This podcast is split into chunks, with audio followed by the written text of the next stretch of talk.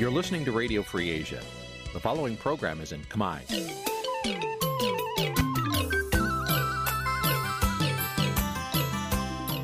នេះជាកម្មវិធីផ្សាយ Vuthu Azizi Serai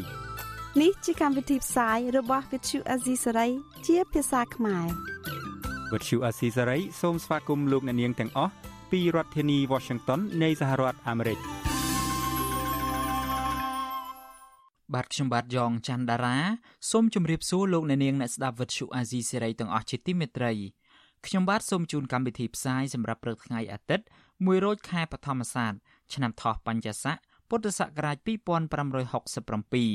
ត្រូវនៅថ្ងៃទី2ខែកក្កដាគ្រិស្តសករាជ2023បាទជាដំបូងនេះសូមអញ្ជើញអស់លោកអ្នកនាងស្ដាប់ព័ត៌មានប្រចាំថ្ងៃដែលមានមេត្តាដូចតទៅគ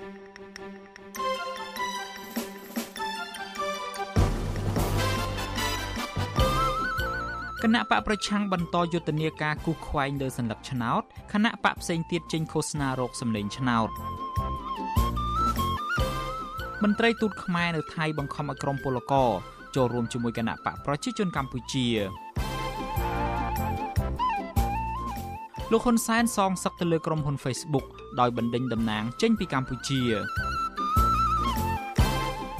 ក្រុមហ៊ុនរបស់កូនលោកត្រីភិប កំពុងជីកយករ៉ែទៅលក់នៅប្រទេសវៀតណាមដោយមិនមានលិខិតអនុញ្ញាតរួមនឹងព័ត៌មានសំខាន់សំខាន់មួយចំនួនទៀត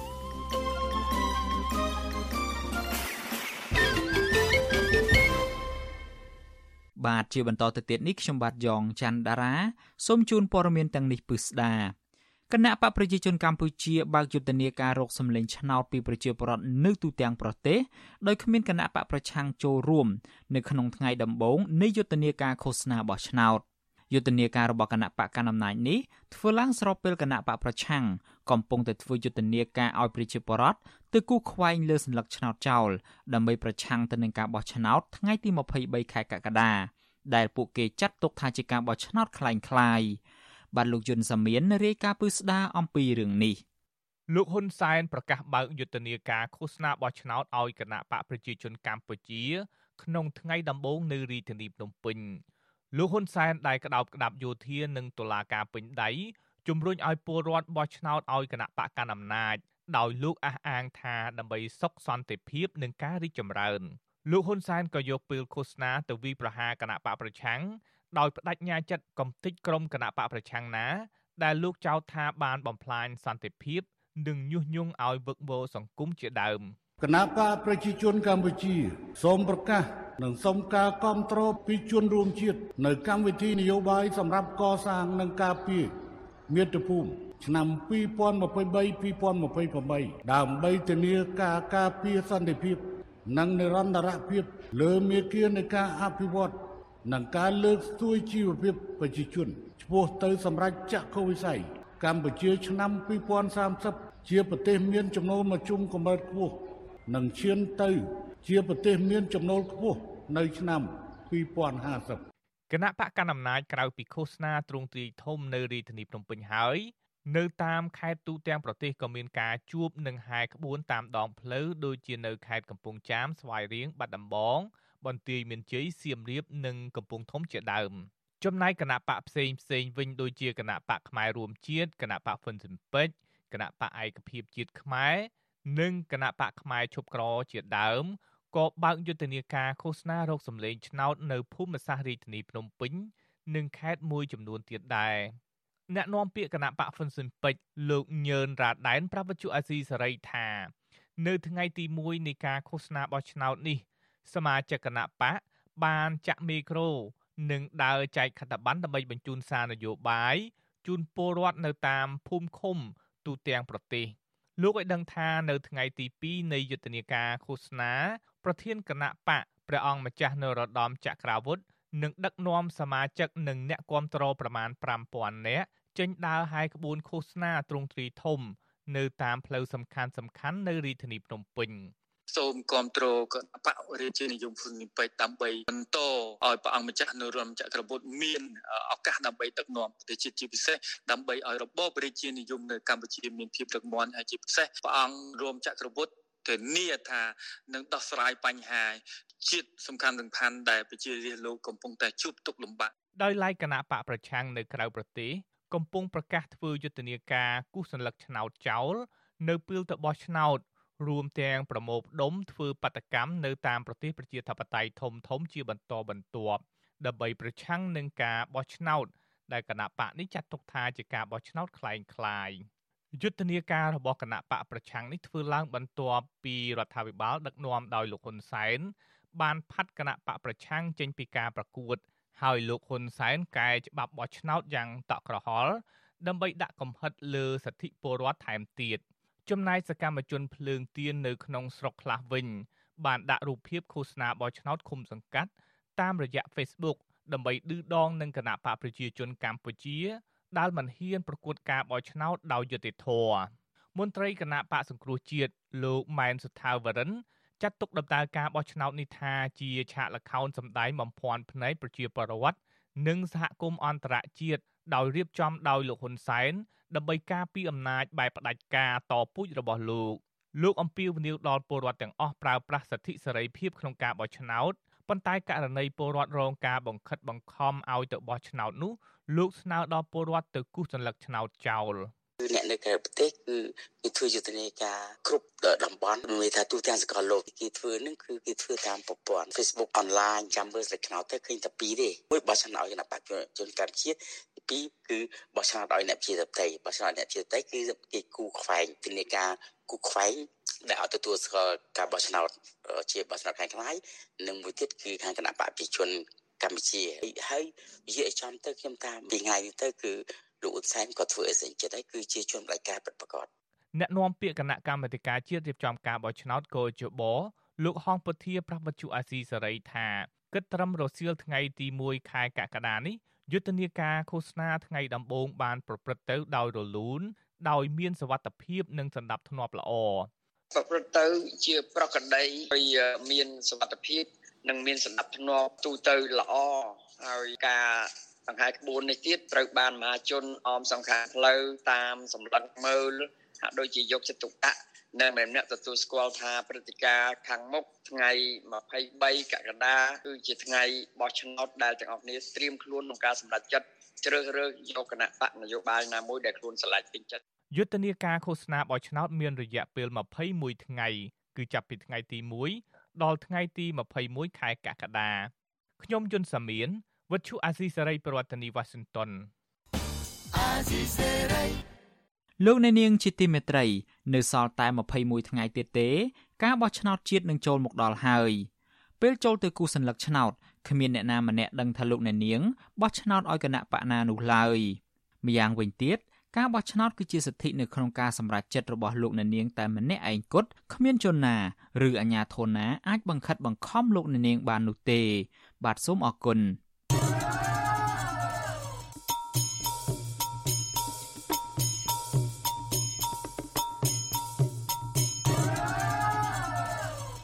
បាទលោកអ្នកនាងជាទីមេត្រីពាក់ព័ន្ធទៅនឹងរឿងបោះឆ្នោតនេះដែរពលករខ្មែរនិងអ្នកធ្វើការនាំពលករទៅធ្វើការនៅប្រទេសថៃ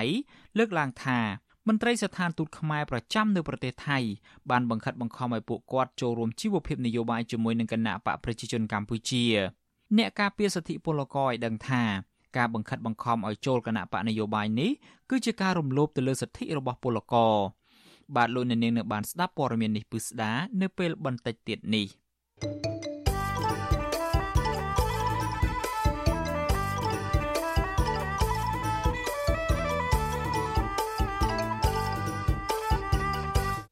ាទលោកនាងជាទីមេត្រីយើងងាកមកចាប់អារម្មណ៍ពាក់ព័ន្ធទៅនឹងរឿង Facebook ឯនេះវិញគណៈបកកណ្ដាលអំណាចច្រានចោលចំពោះការលើកឡើងថាការដែលលោកហ៊ុនសែនណែនាំឲ្យប្រជាពលរដ្ឋប្រើប្រាស់ប្រព័ន្ធទំនាក់ទំនង TikTok ជាការបង្ហាញនិន្នាការគ្រប់គ្រងនយោបាយចិន បាទការលើកឡើងដូចនេះគឺបន្ទាប់ពីសារព័ត៌មាននិងទូរទស្សន៍អន្តរជាតិបានផ្សព្វផ្សាយថាលោកហ៊ុនសែនគំរាមរាំងខ្ទប់មិនឲ្យប្រើប្រាស់បណ្ដាញសង្គម Facebook នៅទូទាំងប្រទេសនិងណែនាំឲ្យប្រជាពលរដ្ឋប្រើប្រាស់បណ្ដាញសង្គម TikTok បានឆ្លុះបញ្ចាំងពីនិន្នាការនយោបាយទៅកាន់ប្រទេសកុម្មុយនីសបាទលោកអ្នកនាងនឹងបានស្ដាប់ព័ត៌មាននេះពឹស្ដានៅក្នុងកម្មវិធីផ្សាយរបស់ Vuthu Azizi Serai នៅយប់នេះដែលចាប់ផ្ដើមនៅម៉ោង7កន្លះដល់ម៉ោង8កន្លះម៉ោងនៅកម្ពុជា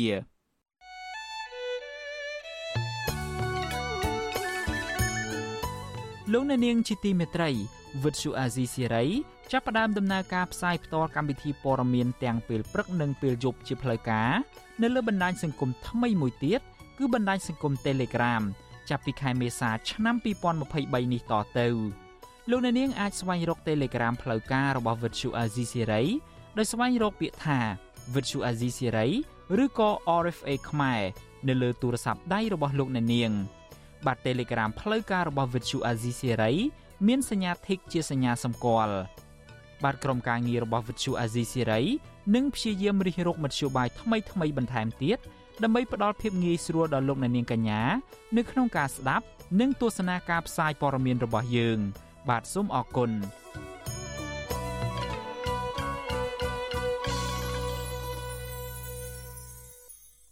បាទលោកអ្នកនាងជាទីមេត្រីតកតងទៅនឹងរឿង Facebook នេះដែរបើទោះបីជាលោកហ៊ុនសែនប្រកាសថាលោកនឹងមិនបិទបណ្ដាញសង្គម Facebook នៅកម្ពុជាក៏ពិតមែនក៏ប៉ុន្តែរដ្ឋាភិបាលរបស់លោក បានបណ្ដេញការិយាល័យតំណាងក្រុមហ៊ុន Facebook ចេញពីទឹកដីកម្ពុជាសកម្មជនសិទ្ធិមនុស្សនិងអ្នកវិភាគចាត់ទុកថានេះគឺជាការខាត់បងសម្រាប់កម្ពុជាខណៈក្រុមហ៊ុនមួយនេះបានចូលរួមអភិវឌ្ឍចំណេះដឹងផ្នែកប្រព័ន្ធ Digital នៅក្នុងប្រទេសកម្ពុជា បាទយើងប្រកុលនីតិនេះជួនអ្នកស្រីម៉ៅសុធានីរាយការណ៍ជូនលោកអ្នកនាង។សកម្មជនសិទ្ធិមនុស្សនិងអ្នកឃ្លាំមើលចាត់ទុកការបណ្ដេញតំណាងក្រុមហ៊ុន Facebook ចេញពីប្រទេសកម្ពុជា គឺជាការសងសឹករបស់លោកនាយករដ្ឋមន្ត្រីហ៊ុនសែនបន្ទាប់ពីក្រុមហ៊ុនមួយនេះសម្រេចផ្អាកដំណើរការទំព័រ Facebook របស់លោករយៈពេល6ខែសកម្មជនសិទ្ធិមនុស្សនិងបរិស្ថានលោកសាន់ម៉ាឡាប្រាប់បច្ចុប្បន្នស៊ីស្រី នៅថ្ងៃទី1ខែកក្កដាថាការចោទប្រកាន់របស់លោកហ៊ុនសែន លើក្រុមហ៊ុន Facebook ថាមានភាពលំអៀងនិងមានចេតនានយោបាយគឺជាការយល់ខុសដោយសារតែក្រុមហ៊ុនមួយនេះក៏ធ្លាប់ផ្អាកនឹងបញ្ឈប់សកម្មភាពឬការបញ្ចេញមតិរបស់ក្រុមសកម្មជន និងអង្គការសង្គមស៊ីវិលក្រៅរដ្ឋាភិបាលមួយចំនួនផងដែរលោកថានេះគឺជាការអនុវត្តគោលការណ៍តាមស្តង់ដាររបស់ក្រុមហ៊ុន Facebook ដែលបិទនិងផ្អាកសកម្មភាព ពាក្យសម្ដីទាំងឡាយណា ដែលមានចេតនាបង្កឲ្យមានអំពើហិង្សានិងការគំរាមកំហែងជាមួយគ្នានេះលោកចាត់ទុកការបណ្ដេញតំណែងក្រុមហ៊ុន Facebook ចេញពីប្រទេសកម្ពុជា គឺជាការខាត់បងសម្រាប់កម្ពុជា ទាំងផ្នែកសេដ្ឋកិច្ចចំណេះដឹងផ្នែកបច្ចេកវិទ្យានិងមុខមាត់ប្រទេសនៅលើឆាកអន្តរជាតិផងដែរ។ ប៉ុន្តែយ៉ាងណាក៏ដោយយើងអបអរសាទរនិងសប្បាយចិត្តដែរដែលរដ្ឋាភិបាលចាត់វិធានការត្រឹមតែបណ្ដេញការិយាល័យតំណាងមិនធ្វើការបិទឬក៏រាំងខ្ទប់បណ្ដាញសង្គមមួយនេះទាំងស្រុងនៅក្នុងប្រទេសកម្ពុជាហើយតទៅថ្ងៃមុខខ្ញុំជឿថានឹងមានការសម្របសម្រួលរវាងក្រុមហ៊ុន Facebook ជាមួយនឹងរដ្ឋាភិបាលហើយថ្ងៃណាមួយការិយាល័យតំណាងនេះប្រកាសជាអាចបើកខ្សែជាថ្មីឡើងវិញនៅក្នុងប្រទេសកម្ពុជារបស់យើងបាទ ក្រសួងប្រៃសណីនិងទូរគមនាគមន៍កម្ពុជាបានចេញសេចក្តីប្រកាសនៅថ្ងៃទី1ខែកក្កដាដោយសម្រេចបណ្ដេញតំណែងក្រុមហ៊ុន Facebook ចេញពីកម្ពុជា និងបញ្ឈប់រាល់សកម្មភាពទំនាក់ទំនងជាមួយរដ្ឋាភិបាលនិងកិច្ចសហការដៃគូក្នុងវិស័យឯកជននៅកម្ពុជាក្រសួងអះអាងថាបានរកឃើញភាពមិនប្រក្រតីនៃសេវាក្រុមហ៊ុន Facebook សម្រាប់អ្នកប្រើប្រាស់នៅកម្ពុជារួមមាន ការបង្កើតកណន័យខ្លែងបន្លំហានិភ័យនិងការប្រមូលតនន័យឯកជន ការផ្សព្វផ្សាយព័ត៌មានខ្លែងខ្លាយកង្វះកណន័យភាព និងដំណាភាព ហើយនឹងការជឿជោគកិច្ចការនយោបាយរបស់កម្ពុជាកាលពីយប់ថ្ងៃទី30ខែមិថុនាលោកហ៊ុនសែនចេញសារជាសម្លេងបន្ទាន់មួយប្រកាសថាលោកមិនបិទបណ្ដាញសង្គម Facebook នៅកម្ពុជានោះទេ ក្រោយដែលលោកបានប្រកាសបិទកណន័យ Facebook ផ្ទាល់ខ្លួនរបស់លោក និងបានគម្រាមបិទដំណើរការ Facebook នៅកម្ពុជាបើសិនបើក្រុមអ្នកនយោបាយប្រឆាំងបន្តឌឺដង ចំពោះការបិទ Facebook របស់លោកដោយក្រុមហ៊ុនមេតាលោកបញ្ជាក់បន្ថែមថាទោះបីជាលោកមិនប្រើ Facebook ក៏លោកមានបណ្ដាញសង្គមផ្សេងទៀតដូចជា Telegram និង TikTok ព្រមទាំងប្រព័ន្ធផ្សព្វផ្សាយដូចជាទូរទស្សន៍និងវិទ្យុចាំផ្សាយពីលោកស្រេចរួចទៅហើយ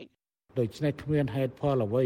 ដែលខ្ញុំមានការចាំបាច់ដើម្បីនឹងប្រើ Facebook នាំចង្រៃខ្លួននោះទេហើយម្យ៉ាងទៀតគឺ Facebook ក៏ទទួលផលប្រយោជន៍ពីកម្ពុជាច្រើនណាស់យើងអាចមានវិធានការត្រឹមកម្រិតមិនឲ្យមានតំណាងក្រុមហ៊ុន Facebook នៅកម្ពុជាតែប៉ុណ្ណោះ វិទ្យុអសីស្រីមិនអាចតាក់ទងแนะនាំពាក្យក្រសួងប្រៃសណីនិងទូរគមនាគមន៍គឺលោកមាសពោដើម្បីបកស្រាយបានទេនៅថ្ងៃទី1ខែកក្កដាចំណែកឯតំណាងក្រុមហ៊ុនមេតាប្រចាំនៅកម្ពុជាក៏មិនទាន់មានប្រតិកម្មអ្វីនោះទេតាក់ទងនឹងបញ្ហានេះដែរប្រធានក្រុមប្រឹក្សាឃ្លាំមើលកម្ពុជានៅប្រទេសណូវេលោកម៉ាន់ណាតសង្កេតឃើញថាការបណ្ដេញតំណាង Facebook ចេញពីកម្ពុជាដោយក្រសួងប្រៃសណីនិងទូរគមនាគមន៍ គឺជាចេតនាសងសឹករបស់លោកហ៊ុនសែនទៅលើក្រុមហ៊ុនមេតាលោកជឿឃើញថាសេចក្តីប្រកាសរបស់ក្រសួងប្រៃសណីនិងទូរគមនាគមន៍ដែលចោទប្រកាន់លើក្រុមហ៊ុន Facebook គឺពុំមានហេតុផលសមរម្យនោះឡើយលោកម៉ាណាតលើកឡើងថាប្រសិនបើក្រសួងប្រៃសណីគិតពីបញ្ហាលួចតនន័យឯកជនមែននោះក្រសួងគួរតែបិទបណ្ដាញសង្គម TikTok ជាមុនសិនពីព្រោះតាមការចុះផ្សាយរបស់សារព័ត៌មានបរទេស បណ្ដាញសង្គមមួយនេះបានចូលលួចតនន័យរបស់អ្នកប្រើប្រាស់រាប់លាននាក់ក្នុងនោះរដ្ឋាភិបាលអាមេរិកកាណាដាគណៈកម្មការអឺរ៉ុបក៏បានចេញបញ្ជាហាមមិនឲ្យប្រើប្រាស់កម្មវិធី TikTok នៅលើប្រព័ន្ធអេឡិចត្រូនិករបស់រដ្ឋទៀតផង។ លោកហ៊ុនសែននឹងធ្លាក់ខ្លួនទៅលេង TikTok ហើយអាល្បែង TikTok ហ្នឹងជាល្បែងកូនក្មេងដែរហើយដល់អ្នកនយោបាយកម្ពុជាទទួលភាពអាម៉ាស់អំពីការពិន័យការរដ្ឋបတ်របស់ក្រុមហ៊ុន Facebook លើលើសារព័ត៌មានល្បីល្បីលើពិភពលោកចុះផ្សាយឡើងប្រងព្រាតអានឹងភាពអាម៉ាស់ធំណាហើយក៏ទម្លាក់គេមិនបានហើយក្រសួងប្រៃសណីនឹងខំពវៀងសាច់រឿងមិនបានវិជាបរដ្ឋខ្មែរប្រើបណ្ដាញសង្គមគាត់ដឹងតែទោះបីអាក្រសួងប្រៃសណីនឹងទៅសេយ៉ាងម៉េចក៏វិជាបរដ្ឋខ្មែរលោកដឹងដែរ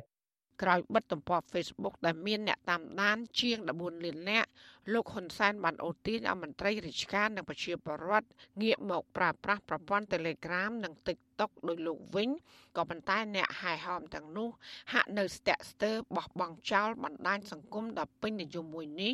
ហើយគណៈបកប្រជាជនកម្ពុជារួមមានថ្នាក់ដឹកនាំនិងកូនចៅរបស់លោកហ៊ុនសែននៅតែប្រើប្រាស់ Facebook សម្រាប់ការចែករំលែកសាររបស់ពួកគេនិងការឃោសនាបោះឆ្នោតអ្នកខ្លំមើលនៅសកម្មជនលើកឡើងថាប៉ះសិនបលោកហ៊ុនសែននៅតែបន្តឆ្លោះជាមួយក្រុមហ៊ុន Facebook ដោយយករឿងបុគ្គលផ្ទាល់ខ្លួនទៅផ្សារភ្ជាប់ជាមួយរឿងនយោបាយកិច្ចការជាតិនោះនឹងធ្វើឲ្យលោករដ្ឋាទទួលរងភាពអាម៉ាស់និងប៉ះពាល់ដល់ផលប្រយោជន៍សង្គមចាននាងខ្ញុំម៉ៃសុធានីវិទ្យុអាស៊ីស្រី ប្រធានាធិបតី Washington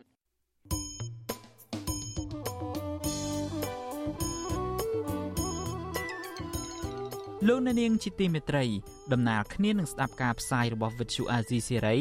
នៅតាមបណ្ដាញសង្គម Facebook YouTube និង Telegram លោកអ្នកនាងក៏អាចស្ដាប់ការផ្សាយរបស់យើង តាម Vuthu រលកធាតុអាកាសខ្លីបានដែរគឺតាមកម្រិតនិងកម្ពស់ដូចតទៅនេះពេលព្រឹកចាប់ពីម៉ោង5កន្លះដល់ម៉ោង6កន្លះតាមរយៈប៉ុស SW 12.14 MHz ស្មើនឹងកម្ពស់ 25m និងប៉ុស SW 13.71 MHz ស្មើនឹងកម្ពស់ 22m ពេលយប់ចាប់ពីម៉ោង7កន្លះដល់ម៉ោង8កន្លះតាមរយៈប៉ុស SW 9.33 MHz ស្មើនឹងកម្ពស់ 32m ប៉ុស SW 11.88 MHz ស្មើនឹងកម្ពស់ 25m និងប៉ុស SW 12.14 MHz ស្មើនឹងកម្ពស់ 25m បាទសូមអរគុណ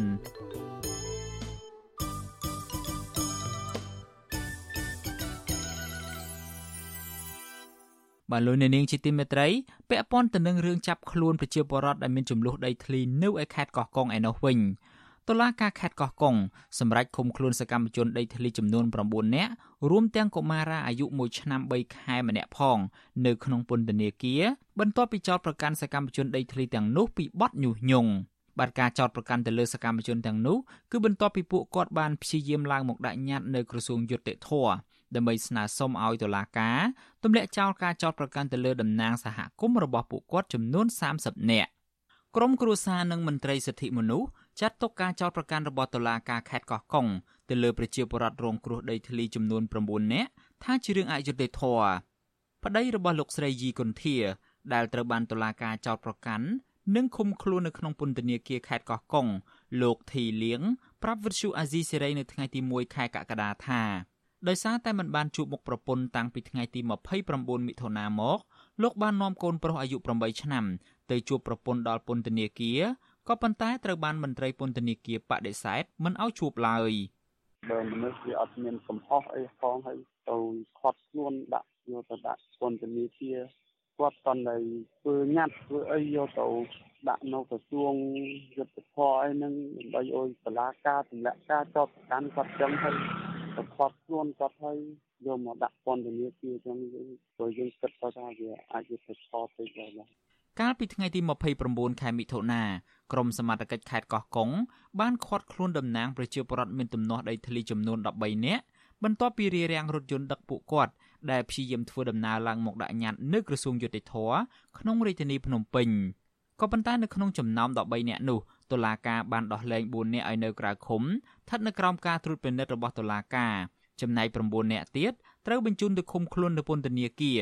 ក្នុងនោះមានលោកស្រីផាវយើងដែលជាសកម្មជនដ៏លេចធ្លោម្នាក់ដែលត្រូវយកកូនប្រុសអាយុ1ឆ្នាំ3ខែមិនទាន់ដាច់ទឹកដោះផងនោះទៅនៅក្នុងពន្ធនាគារជាមួយគ្នាពួកគាត់ត្រូវបានតុលាការចោទប្រកាន់ពីបទញុះញង់ឲ្យប្រព្រឹត្តបទឧក្រិដ្ឋជាអាត ដែលប្រឈមទៅនឹងការជាប់ពន្ធនាគារពី6ខែទៅ2ឆ្នាំ និងពិន័យជាប្រាក់ពី1លានរៀលទៅ4លានរៀលកូនប្រុសរបស់លោកស្រីផាវយើងលោកហងពិសិដ្ឋលើកឡើងថាម្ដាយរបស់លោកជាស្ត្រីមេម៉ាយដែលត្រូវមើលការខុសត្រូវកូនចំនួន7នាក់និងជាអ្នកមានជំងឺប្រចាំកាយលោកបន្តថាម្ដាយរបស់លោកទៅតែចេញពីមន្ទីរពេទ្យបាន3ថ្ងៃមុនពេលសមត្ថកិច្ចឃាត់ខ្លួនគាត់ ជំងឺនេះសិតតែជាជំងឺធ្ងន់ធ្ងរគាត់ត្រូវការលេបថ្នាំជាប្រចាំហើយខ្ញុំបានទៅតំណែងតំណងជាមួយនឹងខាងពន្ធនាគារហ្នឹងគេអត់ឲ្យយើងចូលមើលគេដេញយើងចេញមកវិញហាមយើងអត់ឲ្យយើងចូលមើលចឹងជាមួយគ្នានេះប្រពន្ធរបស់លោកហេងជ័យដែលត្រូវតុលាការសម្រេចចោទប្រកាន់និងឃុំខ្លួននៅក្នុងពន្ធនាគារដែរនោះគឺលោកស្រីប៊ិចឆែតលើកឡើងថាលោកស្រីមានជំងឺពុកកប្រចាំកាយ ដែលមិនអាចធ្វើកិច្ចការងារធ្ងន់ឡើយលោកស្រីថាជារៀងរាល់ថ្ងៃនេះបានប្តីជាអ្នកស៊ីឈ្នួលធ្វើស្រែចម្ការសម្រាប់គុតគងគ្រួសារនិងចិញ្ចឹមកូនតូចៗចំនួន2នាក់បន្ទាប់ពីដីស្រែចម្ការចំនួន3ហិកតាបានបាត់បង់តាំងពីឆ្នាំ2007 ប្តីចាប់ពន្ធនាគារទៀតណាមួយលុយលុយកូនរៀនទៀតខ្ញុំមានអីទៅរកឲ្យកូនរៀនគ្រូអើយចាស៊ីមួលគេតិចតួចចឹងគ្រូប៉ុន្តែបានជីវភាពប្រមួយថ្ងៃហូបមួយថ្ងៃចឹងគ្រូសារខ្ញុំចាប់ណាគ្រូអើយបើសិនតែដីខ្ញុំចាប់ពន្ធនាគារទៀតខ្ញុំមិនដឹងពឹងអីទេជុំវិញបញ្ហានេះវិទ្យុអាស៊ីសេរីមិនអាចតាក់ទងសុំការបំភ្លឺពីអ្នកនាំពាក្យសាលាដំបងខេត្តកោះកុងលោកស៊ូសវណ្ណារា និងអភិបាលរងខេត្តកោះកុង លោកសុកសុធីបានទេ នៅថ្ងៃទី1ខែកក្កដាតាក់ទងទៅនឹងបញ្ហានេះអ្នកនាំពាក្យសមាគមការពារសិទ្ធិមនុស្សអាត6លោកសឹងសានករណាថ្លែងថាចំណាត់ការរបស់តុលាការខេត្តកោះកុងនៅពេលនេះគឺជាការផ្ដល់ភាពអយុត្តិធម៌មួយជាន់ទៀតទៅលើពលរដ្ឋទាំង9នាក់ខណៈអ្នកខ្លះកំពុងមានជំងឺប្រចាំកាយនិងកំពុងធ្លាក់ខ្លួនក្រីក្រការ ទៀមទាតវ៉ាណាមួយដែលធ្វើឡើងដោយសន្តិវិធីត្រឹមត្រូវតាមផ្លូវច្បាប់វាមិនមែនជាអំពើល្មើសច្បាប់ទេអញ្ចឹងបើសិនជាទៅចោទប្រកាន់ពួកគាត់ទៅលើបទល្មើសអីទាំងអស់នេះវាហាក់ដូចជាអត់សមហេតុសមផលទាល់តែសោះក្នុងករណីនេះអ្វីដែលអាជ្ញាធរគួរធ្វើឬក៏ខាងតុលាការគួរធ្វើគួរតែព្យាយាមណាស្រាវជ្រាវនិងស្វែងរកដំណោះស្រាយជូនពួកគាត់ជាយាមជាជាងដែលទៅធ្វើការរដ្ឋបិទទៅធ្វើការគម្រាមកំហែងចោទប្រកាន់យកគាត់ទៅដាក់ឃុំបែបនេះមានន័យថាគាត់រងគ្រោះដោយសារបញ្ហាដីធ្លីហើយមករងគ្រោះដោយភាពអយុត្តិធម៌ពាក់ព័ន្ធទៅនឹងចំណាត់ការផ្លូវច្បាប់ទៅទៀតប្រជាពលរដ្ឋនៅខេត្តកោះកុងរាប់ពាន់គ្រួសារបានបាត់បង់ដីធ្លីដោយសារតែការផ្ដាល់ដីសម្បត្តិសេដ្ឋកិច្ចរបស់រដ្ឋាភិបាលទៅឲ្យអុកញ៉ានិងអ្នកមានអំណាចក្នុងនោះមានលោកលីយ៉ុងផាត់និងលោកហេងហ៊ុយមន្ត្រីជាន់ខ្ពស់ក្រសួងមហាផ្ទៃពួកគាត់បានព្យាយាមតវ៉ានិងដើរដាក់ញត្តិរាប់មិនអស់ទាំងនៅថ្នាក់ខេត្តនិងនៅតាមក្រសួងស្ថាប័ននៅថ្នាក់ជាតិ ដើម្បីស្វែងរកដំណោះស្រាយដីធ្លីដែលអូសបន្លាយពេលរាប់ឆ្នាំមកហើយនេះក៏ប៉ុន្តែមិនដែលទទួលបានដំណោះស្រាយឡើយផ្ទុយទៅវិញការចេញតវ៉ាជាញឹកញាប់បានធ្វើឲ្យប៉ះពាល់ដល់ជីវភាពរបស់ពួកគាត់ជាខ្លាំងដោយពួកគាត់កាន់តែធ្លាក់ខ្លួនក្រីក្រ អ្នកខ្លះធ្លាក់ខ្លួនឈឺនិងអ្នកខ្លះទៀតត្រូវបានតុលាការកោះហៅទៅឆ្លើយបំភ្លឺជាច្រើនលើកច្រើនសារលើពីនេះទៅទៀតកាលពីខែមិថុនាកន្លងទៅបរិះពីការជើងម្ខាងម្នាក់បានស្លាប់ អំឡុងពេលតវ៉ាសុំដំណោះស្រាយនៅសាលាខេត្តកោះកុងជុំវិញការឃុំខ្លួនបរដ្ឋមានទំនាស់ដីធ្លីទាំង9នាក់នៅក្នុងពន្ធនាគារនៅពេលនេះក្រុមគ្រួសារនិងប្រជាសហគមន៍ជាច្រើនអ្នកកំពុងប្រមូលផ្ដុំគ្នានិងស្នាក់នៅខាងមុខតុលាការខេត្តកោះកុងដើម្បីទាមទារឲ្យតុលាការដោះលែងអ្នកទាំង9នាក់នោះឲ្យមានសេរីភាពវិញ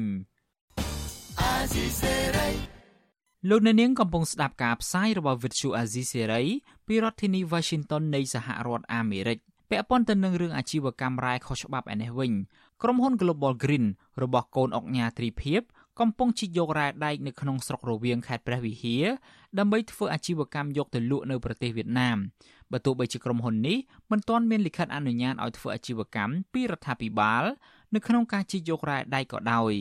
ការជីកយករ៉ែដែកនេះបានធ្វើឲ្យប៉ះពាល់ដល់ដីស្រែចម្ការរបស់ប្រជាពលរដ្ឋនៅតំបន់នោះជាច្រើនហិកតាបាទសូមលោកអ្នកនាងស្ដាប់សេចក្តីរាយការណ៍ព័ត៌មាននេះរបស់លោកសេកបណ្ឌិតដូចតទៅ កាលពីខែមេសាឆ្នាំ2023នេះរដ្ឋាភិបាលលោកហ៊ុនសែនបានចេញលិខិតអនុញ្ញាតឲ្យក្រុមហ៊ុន Global Green ចុះសិក្សាស្រាវជ្រាវនិងរុករករ៉ែដែកស្ថិតនៅក្នុងស្រុករវៀងនិងស្រុកជ័យសែនខេត្តព្រះវិហារ ក្រុមហ៊ុន Global Green Cambodia Energy Development ជារបស់លោកត្រីដាលុចត្រូវជាកូនរបស់អ្នកអង្គការត្រីភិបទីប្រឹក្សារបស់ប្រធានគណៈបកប្រជាជនកម្ពុជាលោកហ៊ុនសែនទោះបីជាក្រុមហ៊ុន Global Green មិនទាន់ទទួលបានលិខិតអនុញ្ញាតឲ្យធ្វើអាជីវកម្មពីរដ្ឋាភិបាលក្តីក៏ក្រុមហ៊ុននេះកំពុងធ្វើអាជីវកម្មជីកយករ៉ែដែកយ៉ាងអនាធបត័យ និងបានដឹកយកវត្ថុធាតុដើមទៅលក់នៅប្រទេសវៀតណាមចេញពីស្រុករវៀងខេត្តព្រះវិហារឆ្លងកាត់មកខេត្តកំពង់ធំ និងខេត្តកំពង់ឆ្នាំងតាមដងទន្លេមេគង្គមន្ត្រីតុលាការខេត្តព្រះវិហារម្នាក់ប្រាប់បទសុអសីស្រីក្នុងលក្ខខណ្ឌសុំមិនបញ្ចេញឈ្មោះនៅថ្ងៃទី1ខែកក្កដាថាក្រុមហ៊ុន Global Green កំពុងធ្វើអាជីវកម្មជីកយករ៉ែដែកទៅលក់នៅក្រៅប្រទេសនោះមិនទាន់មានលិខិតអនុញ្ញាតឲ្យធ្វើអាជីវកម្មនោះទេ ការដឹកជញ្ជូនរ៉ែយកទៅប្រទេសវៀតណាមនេះបានធ្វើឲ្យខូចខាតផ្លូវជាង60គីឡូម៉ែត្រស្ថិតនៅក្នុងស្រុករវៀងមិនត្រឹមតែប៉ុណ្ណោះក៏បានប៉ះពាល់ដល់ដំណាំ និងដីស្រែរបស់ជនជាតិដើមភាគតិចគួយចំនួន4ឃុំ លើផ្ទៃដីប្រមាណជាង5000ហិកតាឃុំទាំង4នោះរួមមានឃុំរីករាយឃុំរុះរាន់ឃុំរស្មីស្ថិតនៅក្នុងស្រុករវៀងនិងឃុំពុត្រាស្ថិតនៅក្នុងស្រុកជ័យសែនខេត្តព្រះវិហារ ជនជាតិដើមភាគតិចគួយរស់នៅភូមិទម្លាប់ឃុំរុះរាន់ស្រុករវៀងលោកហេនថេនប្រាប់បទសុអសីស្រីថា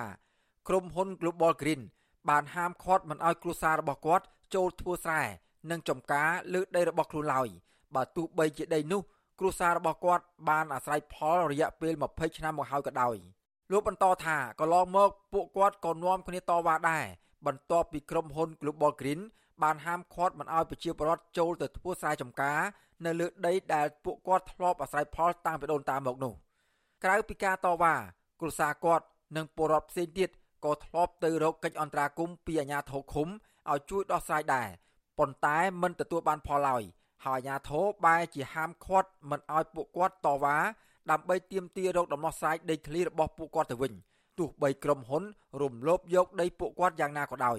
លោកបន្ថែមថា អាជ្ញាធរមិនទាន់ជួយដោះស្រាយអំពីចំនួនដីស្រែនិងចំការចំនួន8ហិកតា ដែលធ្លាប់អាស្រ័យផល20ឆ្នាំមកហើយនោះទេហើយដីស្រែចំការទាំងនេះនឹងត្រូវបាត់បង់ដោយសារក្រុមហ៊ុនរំលោភយកបើបាត់បង់ដីហើយមានអីធ្វើទៀតមានតែចំណាក់ស្រុកទៅធ្វើជាកម្មករគេបាទនៅក្រៅស្រុកឬក៏ក្នុងស្រុកណែមានតែប៉ុណ្ណោះឯងបើអត់អីធ្វើហើយចាប្រាក់ចំណូលត្រូវធ្លាក់ដូចថាយើងធ្លាប់តែបានច្រើនទៅវាអត់បានសម្រាប់គ្រប់គ្រងជីវភាព ក្រុមហ៊ុនក៏ដែរហៅទៅហៅទៅខាងស្រុកហើយយើងទៅចូលរួមរកដំណោះស្រាយដោយសារតែពួកយើងទៅធ្វើបាតកម្មអញ្ចឹងណាឡើងចាស់ពីមកដោះស្រាយតែដោះស្រាយវាអត់បានចលនាផលអីទេពលរដ្ឋម្នាក់ទៀតរស់នៅឃុំរីករាយស្រុករវៀងលោកដនភ័ក្រលើកឡើងដែរថាក្រុមហ៊ុនរបស់កូនអង្គញាទ្រីភិបទៅជីកយករ៉ែប៉ះពាល់ដល់ដីស្រែចម្ការរបស់ពួកគាត់ប្រមាណ20ហិកតាបរិស43ឆ្នាំរូបនេះអះអាងថាក្រុមហ៊ុននេះ បានផ្ដល់សំណងដល់ពលរដ្ឋរងផលប៉ះពាល់ក្នុង1ហិកតា100ដុល្លារតែប៉ុណ្ណោះប៉ុន្តែសំណងនេះពួកគាត់មិនអាចទទួលយកបានឡើយសនំពោទៅរដ្ឋាភិបាលឲ្យជួយដោះស្រាយផងឲ្យសនំសំរួមឲ្យគ្នាអបជាជនអាចឲ្យមេរស់កុំឲ្យអុយមហាត់គ្នា100គ្នាបានអីហូបម្យ៉ាងទៀតខ្ញុំចង់បានដីតំណងលោកដនភ័ក្រអះអាងទៀតថាប្រជាពលរដ្ឋរងផលប៉ះពាល់ដោយសារការជីកយករ៉ែរបស់ក្រុមហ៊ុន Global Green មានជាង50គ្រួសារហើយមកទួលនឹងពេលនេះពួកគាត់មិនទាន់ទទួលបានដំណោះស្រាយនៅឡើយទេមេការក្រុមហ៊ុន Global Green លោកង៉ែតសេងបានឆ្លើយតបថា លោកមិនបានជាប់ពាក់ព័ន្ធនោះទេ លោកគ្រាន់តែជាអ្នកដាំដំឡូងរីឯអគ្គនាយករងក្រុមហ៊ុន គឺលោកខៀងសុជីវ័នបានចុចបិទទូរស័ព្ទបន្ទាប់ពីអ្នកសារព័ត៌មានបទសុអសីសេរីសូមសម្ភាសអំពីរឿងរ៉ាវពាក់ព័ន្ធនឹងក្រុមហ៊ុន Global Green មួយនេះ វិទ្យុអាស៊ីសេរីក៏នៅមិនទាន់អាចតាក់ទងអភិបាលខេត្តព្រះវិហារលោកគឹមរិទ្ធីនិងប្រធានមន្ត្រីរ៉ែនិងធម្មពលខេត្តព្រះវិហារលោកសុនច័ន្ទរក្សាបានទេកាលពីថ្ងៃទី1ខែកក្កដាចំណែកអ្នកនាំពាក្យរដ្ឋាភិបាលលោកផៃស៊ីផាន និងអ្នកនាំពាក្យក្រសួងរាយនឹងធម្មពលលោកអឹងឌីបូឡាក៏មិនទាន់អាចតាក់ទងបានដែរដោយទូរស័ព្ទចូលច្រើនដងតែគ្មានអ្នកទទួលនាយករងកិច្ចការទូតនៃអង្គការសិទ្ធិមនុស្សលីកាដូលោកអំសំអាតយល់ឃើញថា ក្រុមហ៊ុន Global Green មានសិទ្ធិត្រឹមតែរុករករ៉ែនៅក្នុងតំបន់នោះប៉ុណ្ណោះប៉ុន្តែมันមានសិទ្ធិក្នុងការធ្វើអាជីវកម្មជីកយករ៉ែឡើយបើគ្មានអាជ្ញាប័ណ្ណឬលិខិតអនុញ្ញាតពីរដ្ឋាភិបាលលោកបញ្ជាក់ថាប្រសិនបើក្រុមហ៊ុនមិនទាន់ទទួលសិទ្ធិអនុញ្ញាតឲ្យធ្វើអាជីវកម្មហើយបែរជាលួចធ្វើអាជីវកម្មជីកយករ៉ែដោយនាំចេញវត្ថុធាតុដើមទៅលក់នៅក្រៅប្រទេសនោះវាជារឿងខុសនឹងច្បាប់ហើយអាជីវកម្មហ្នឹងវាអាស្រ័យទៅលើ កិច្ចសន្យាជាមួយនឹងរាជរដ្ឋាភិបាលទៅទៀតថាធ្វើអាជីវកម្មហ្នឹងសម្រាប់ក្នុងស្រុកឬក៏អាចនាំចេញទៅក្រៅប្រទេសអាហ្នឹងបានអាចធ្វើទៅបានហើយបើសិនជាមានអាជ្ញាប័ណ្ណត្រឹមតែមករករករ៉ែទេហើយស្រាប់តែធ្វើអាជីវកម្មនាំវត្ថុធាតុដើមឬក៏ផលិតហើយនាំចេញទៅក្រៅប្រទេសអាហ្នឹងជារឿងខុសច្បាប់បាទទោះបីជាក្រុមហ៊ុននេះ កំពុងធ្វើអាជីវកម្មផ្ទុយពីការអនុញ្ញាតរបស់រដ្ឋាភិបាលនិងច្បាប់កម្ពុជាក៏ដោយរហូតមកទល់នឹងពេលនេះមិនទាន់ឃើញសមត្ថកិច្ចមានវិធានការណាមួយលើក្រុមហ៊ុន Global Green Cambodia Energy Development នៅឡើយនោះទេកាលពីថ្ងៃទី8ខែឧសភាឆ្នាំ2022កន្លងទៅក្រុមហ៊ុន Global Green Cambodia Energy Development ធ្លាប់បរិច្ចាគថវិកា10លានរៀលដើម្បីចូលរួមជាមួយកាកបាទក្រហមកម្ពុជា ដែលមានភរិយារបស់លោកហ៊ុនសែនជាប្រធាន អុកញ៉ាត្រីដាលុចមិនមែនគ្រាន់តែជាអ្នកគ្រប់គ្រងក្រុមហ៊ុន Global Green Energy Development តែមួយប៉ុណ្ណោះទេលោកក៏ជាអគ្គនាយករងក្រុមហ៊ុនត្រីភិបគ្រប់ផងដែរលោកត្រីដាលុចត្រូវបានលោកនាយករដ្ឋមន្ត្រីហ៊ុនសែនទូលថ្វាយទៅព្រះមហាក្សត្រឲ្យផ្ដល់គោរមងារអុកញ៉ានៅថ្ងៃទី19ខែមីនា ឆ្នាំ2013ក្រៅពីទទួលបានគោរមងារជាអុកញ៉ាហើយលោកត្រីដាលុចក៏ត្រូវបានតែងតាំងជាទីប្រឹក្សាផ្ទាល់លោកហេងសំរិន និងជាអនុប្រធានយុវជនសុកដាស្ទឹងខេត្តកណ្ដាលព្រមទាំងជាអនុប្រធានក្រុមការងារថ្នាក់ជាតិចុះជួយឃុំត្បែងក្នុងស្រុកកណ្ដាលស្ទឹងខេត្តកណ្ដាល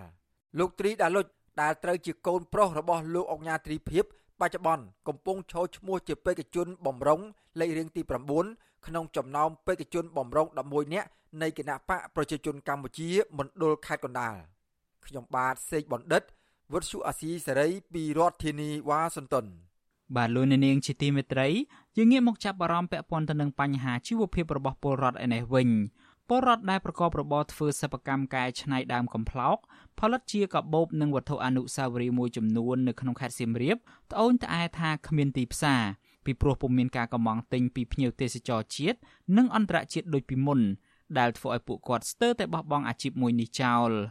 នៅឆ្ងាយពីទីប្រជុំជន5គីឡូម៉ែត្រ នៅក្នុងសង្កាត់សៀមរាបក្រុងសៀមរាបឆ្ពោះទៅតំបន់ទន្លេសាបប្រជាពលរដ្ឋមួយចំនួនធ្លាប់តែមានជីវភាពល្អប្រសើរដោយសារតែពួកគាត់អាចកែច្នៃរុក្ខជាតិដូចជាកំប្លោកវល្លិរពាក់និងផ្ដៅជាដើម យកធ្វើជាកាបូបនិងវត្ថុអនុស្សាវរីយ៍គ្រប់ប្រភេទលក់រកប្រាក់ចំណូលក៏ប៉ុន្តែបច្ចុប្បន្ននេះបែរជាពុំសូវមានអ្នកទិញដែលធ្វើឲ្យពួកគាត់ជួបការលំបាកអាជីវករធ្វើសិប្បកម្មទាំងនោះស្នើឲ្យអាជ្ញាធរពាក់ព័ន្ធ ជួយរកទីផ្សារជូនពួកគាត់កំពុងតែអង្គុយចាក់កាបូបដែលធ្វើពីអំបោះនិងកំប្លោកនៅក្នុងផ្ទះរបស់ខ្លួន លោកស្រីសូសម្បត្តិរស់នៅភូមិភ្នំក្រោមក្រុងសៀមរាបលើកឡើងថាមុខរបរសិប្បកម្មកែច្នៃដើមកំប្លោកធ្វើកាបូបនិងវត្ថុអនុស្សាវរីយ៍នាពេលបច្ចុប្បន្ននេះកំពុងទៅជួបបញ្ហាពុំមានទីផ្សារលក់ចេញឲ្យបានទៀងទាត់ឡើយចាប់តាំងពីវិបត្តិជំងឺ Covid-19 មក លោកស្រីបារម្ភថាប្រសិនបើទីផ្សារលក់ដូរនៅតែជាប់គាំងបែបនេះទៀតលោកស្រីនឹងរងផលប៉ះពាល់កាន់តែខ្លាំងឆ្នាំនេះបិទខ្លាំងឆ្នាំនេះអត់អត់លក់អត់ចេញបដ ாய் មើលអីវ៉ាន់នៅពីលើកមុនដែលមានអីវ៉ាន់នៅក្នុងទូឯក្មួយអស់អស់បាត់តែកូវីដពីដំបូងក៏ខ្ញុំនៅតែវាយចេញបានដែរដល់ពេលកូវីដឆ្នាំក្រោយនេះក៏ដាច់បាត់បដ ாய் រហូតដល់គេបើកដល់ឆ្នាំនេះទៀតហើយអត់កូវីដហើយនៅតែពិបាកតែនឹងជាល្មិច សិប្បកម្មកំប្លោកបានរីកដុះដាលបង្កើតការងារជូនប្រជាពលរដ្ឋជាបន្តបន្ទាប់នៅភូមិភ្នំក្រោមសង្កាត់សៀមរាបដោយសារតែជាតំបន់ទន្លេសាបសម្បូរទឹកងាយដុះកំប្លោកកំប្លោកគឺជារុក្ខជាតិអណ្ដែតរស់នៅលើទឹកហើយផ្ការបស់វាគេយកទៅបរិភោគជាអន្លក់ចំណែកដើមនិងស្លឹករបស់វាវិញទុកជាចំណីគោក្របី ឬពេលហាលថ្ងៃស្ងួត អាចវិញធ្វើជាខ្សែអង្រឹងកាបូបនិងវត្ថុអនុស្សាវរីយ៍ផ្សេងទៀតសម្រាប់លក់រកបានប្រាក់ចំណូលទោះជាបែបនេះក្តីអស់រយៈពេលជិត3ឆ្នាំមកនេះផលិតផលសិប្បកម្មនេះបានធ្លាក់ចុះការកម្មង់ទិញពីភ្ញៀវយ៉ាងខ្លាំងដែលធ្វើឲ្យអាជីវករនិងសហគមន៍មួយចំនួន បានបិទទ្វារជាបន្តបន្ទាប់លោកស្រីសូសម្បត្តិទទូចឲ្យអាជ្ញាធរពាក់ព័ន្ធជួយរកដំណោះស្រាយចំពោះបញ្ហាទាំងនេះឲ្យបានឆាប់ សូមឲ្យសម្ដេចជួយឲ្យខ្ញុំរកទីផ្សារឲ្យខ្ញុំផងណាឲ្យជួយរកទីផ្សារហើយនឹងឲ្យបាននាំចេញទៅស្រុកក្រៅបានច្រើនទៅបានខ្ញុំបានផលិតផលខ្មែរយើងបានជោគជ័យហ្នឹងកាលពីមុនជំងឺ Covid-19 លោកស្រីសូសម្បត្តិបានលក់កាបូបនិងវត្ថុអនុស្សាវរីយ៍នេះទៅដល់ក្រៅប្រទេសដូចជាកូរ៉េខាងត្បូងជប៉ុន សហរដ្ឋអាមេរិកនិងប្រទេសអូស្ត្រាលីជាដើមក៏ប៉ុន្តែសប្តាហ៍ថ្ងៃនេះលោកស្រីពុំមានការបញ្ជាទិញពីក្រៅប្រទេសទៀតនោះទេ លោកស្រីធ្លាប់តែរកប្រាក់ចំណូលបានក្នុងមួយខែជាង1000ដុល្លារក៏ប៉ុន្តែបច្ចុប្បន្ននេះបានត្រឹមតែ100ដុល្លារទៅ200ដុល្លារប៉ុណ្ណោះកាបូបដែលធ្វើពីកំប្លោកនេះមានតម្លៃចាប់ពី10ដុល្លារឬក៏40000រៀលឡើងទៅអាជីវករលក់ដូរផលិតផលសិប្បកម្មម្នាក់ទៀតនៅសង្កាត់សៀមរាបលោកស្រីចិនរដ្ឋានីលើកឡើងថាលោកស្រីសម្រាប់ចាប់អាជីពនេះពីព្រោះតែចង់ជួយលើកកម្ពស់ជីវភាពពលរដ្ឋដែលពុំមានការងារធ្វើហើយឲ្យពួកគាត់ងាកមកធ្វើកាបូប កន្ត្រកនិងអង្រឹងពីវត្ថុធាតុដើម ដែលមាននៅក្នុងស្រុក ដូចជាកំប្លោក ផ្ដៅ និងវល្លិរពាក់ជាដើមលោកស្រីថាកាលពី5ឆ្នាំមុនរបរនេះទទួលបានការគាំទ្រពីសាធារណជនជាច្រើន រួមទាំងជួយដល់បរិស្ថានផងក៏ប៉ុន្តែបច្ចុប្បន្ននេះមួយថ្ងៃសឹងតែរកអ្នកទិញមួយគ្មានផង។ រាល់ថ្ងៃនេះក៏កំពុងបារម្ភដែរព្រោះស្ថានភាពសេដ្ឋកិច្ចធ្លាក់ចុះអុំបារម្ភព្រោះចង់និយាយថាការលក់ដូរវាមានតំណែងជាមួយដូចថាពួកគាត់អ្នកធ្វើព្រោះយើងដាក់លុយដាក់កាក់ឲ្យគាត់ទៅឲ្យគាត់ធ្វើយកមកឲ្យយើងដល់ពេលយើងយកយើងចង់និយាយថាយើងលក់វាអត់ចាញ់គាត់អ្នកធ្វើហ្នឹងក៏វាពិបាកតគ្នាដែរហើយភាគច្រើនគាត់សុទ្ធតែមានជីវភាពមិនសូវជាធូរធារទាំងអស់គ្នាជុំវិញរឿងនេះចៅសង្កាត់សៀមរាបក្រុងសៀមរាបលោកម៉ៃសាមេតលើកឡើងថា បច្ចុប្បន្នមានប្រជាពលរដ្ឋជាង30គ្រួសារនៅសង្កាត់សៀមរាបប្រកបរបរសិប្បកម្មកំប្លោកសម្រាប់ធ្វើអង្រឹងកាបូបនិងកន្ត្រកលក់លោកទទួលស្គាល់ថាមានពលរដ្ឋមួយចំនួនបានបន្តបោះបង់អាជីពមួយនេះពីព្រោះតែពុំសូវមានទីផ្សារលោកបញ្ជាក់ថាអាញាធមូលដ្ឋានពុំដឹងរកមធ្យោបាយបែបណា ដើម្បីដោះស្រាយបញ្ហាជាប់គាំងទីផ្សារជូនពួកគាត់បាននៅឡើយទេ មានតែការអត់ធ្មត់សិនហើយព្រោះយើងអាចបានចិត្តចិត្តដល់ដល់រកទីផ្សារឲ្យគាត់នោះទេនៅទេតកតងទៅនឹងរឿងនេះដែរនាយកអង្គការពន្លកខ្មែរលោកប៉ាក់សុភ័ណ្ឌលើកឡើងថាបញ្ហាជីវភាពរបស់ពលរដ្ឋនៅតាមមូលដ្ឋាន គឺជាកត្តាអាទិភាព ដែលអាជ្ញាធរពាក់ព័ន្ធគួរតែគិតគូរឲ្យបានដិតដល់ជាពិសេសលើកទឹកចិត្តឲ្យប្រជាពលរដ្ឋបន្តធ្វើការងារដែលមាននៅក្នុងមូលដ្ឋានរបស់ខ្លួន ហើយរកទីផ្សារជូនពួកគាត់ឲ្យបានទូលំទូលាយ។ លោកបន្តថាអាញាធរពពាន់មិនគួរបណ្តែតបណ្តោយឲ្យបញ្ហាជាប់គាំងបែបនេះយូរនោះឡើយក្រសួងឬក៏អាជ្ញាធរដែលមានសមត្ថកិច្ចនឹងត្រូវតែលើកទឹកចិត្តនិងជំរុញនឹងការគ្រប់គ្រងដល់ដំណើរការនេះដើម្បីឲ្យគាត់មានជីវភាពល្អប្រសើរ ប្រជាពលរដ្ឋនិងមន្ត្រីអង្គការសង្គមស៊ីវិលលើកឡើងថាប្រសិនបើអាជ្ញាធរពាក់ព័ន្ធអាចជួយរកទីផ្សារឲ្យបានទូលំទូលាយហើយអាចនាំចេញផលិតផលធ្វើពីកំប្លោករពាក់និងវល្លិផ្ដៅនេះយកទៅលក់បានទាំងក្នុងនិងក្រៅប្រទេសនោះគឺជារឿងដែលល្អដើម្បីអាចកាត់បន្ថយភាពក្រីក្ររបស់ប្រជាពលរដ្ឋតាមរយៈការផ្តល់ការងារឲ្យពួកគាត់បានធ្វើដើម្បីរកប្រាក់ចំណូលបន្ថែមក្រៅពីការងារស្រែចម្ការ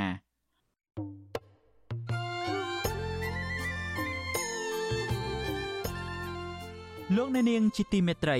នៅក្នុងឱកាសនេះដែរខ្ញុំបាទសូមថ្លែងអំណរគុណដល់លោកអ្នកនាងកញ្ញាទាំងអស់ដែលតែងតែមានភក្ដីភាពចំពោះការផ្សាយរបស់យើងហើយចាត់ទុកការស្ដាប់វិទ្យុអាស៊ីសេរីគឺជាផ្នែកមួយនៃសកម្មភាពប្រចាំថ្ងៃរបស់លោកអ្នកនាងគឺការគ្រប់គ្រងរបស់លោកអ្នកនាងនេះហើយដែលធ្វើឲ្យយើងខ្ញុំមានទឹកចិត្តកាន់តែខ្លាំងក្លាថែមទៀតនៅក្នុងការស្វែងរកនិងផ្តល់ព័ត៌មានជូនលោកអ្នកនាង មានអ្នកស្ដាប់អ្នកទស្សនាកាន់តែច្រើនកាន់តែធ្វើឲ្យយើងខ្ញុំមានភាពស្វាហាប់ មោះមុតជាបន្តទៅទៀតយើងខ្ញុំសូមអរគុណទុកជាមុនហើយសូមអញ្ជើញលោកអ្នកនាងកញ្ញាទាំងអស់ចូលរួមជំរុញឲ្យសកម្មភាពផ្តល់ព័ត៌មានយើងនេះកាន់តែជោគជ័យបន្ថែមទៀតលោកអ្នកនាងអាចជួយយើងខ្ញុំបានដោយគ្រាន់តែចុចចែករំលែកឬមួយក៏ Share ការផ្សាយរបស់យើងនៅលើបណ្ដាញសង្គម Facebook និង YouTube ទៅកាន់មិត្តភ័ក្តិដើម្បីឲ្យការផ្សាយរបស់យើងបានទៅដល់មនុស្សកាន់តែច្រើន បាទសូមអរគុណ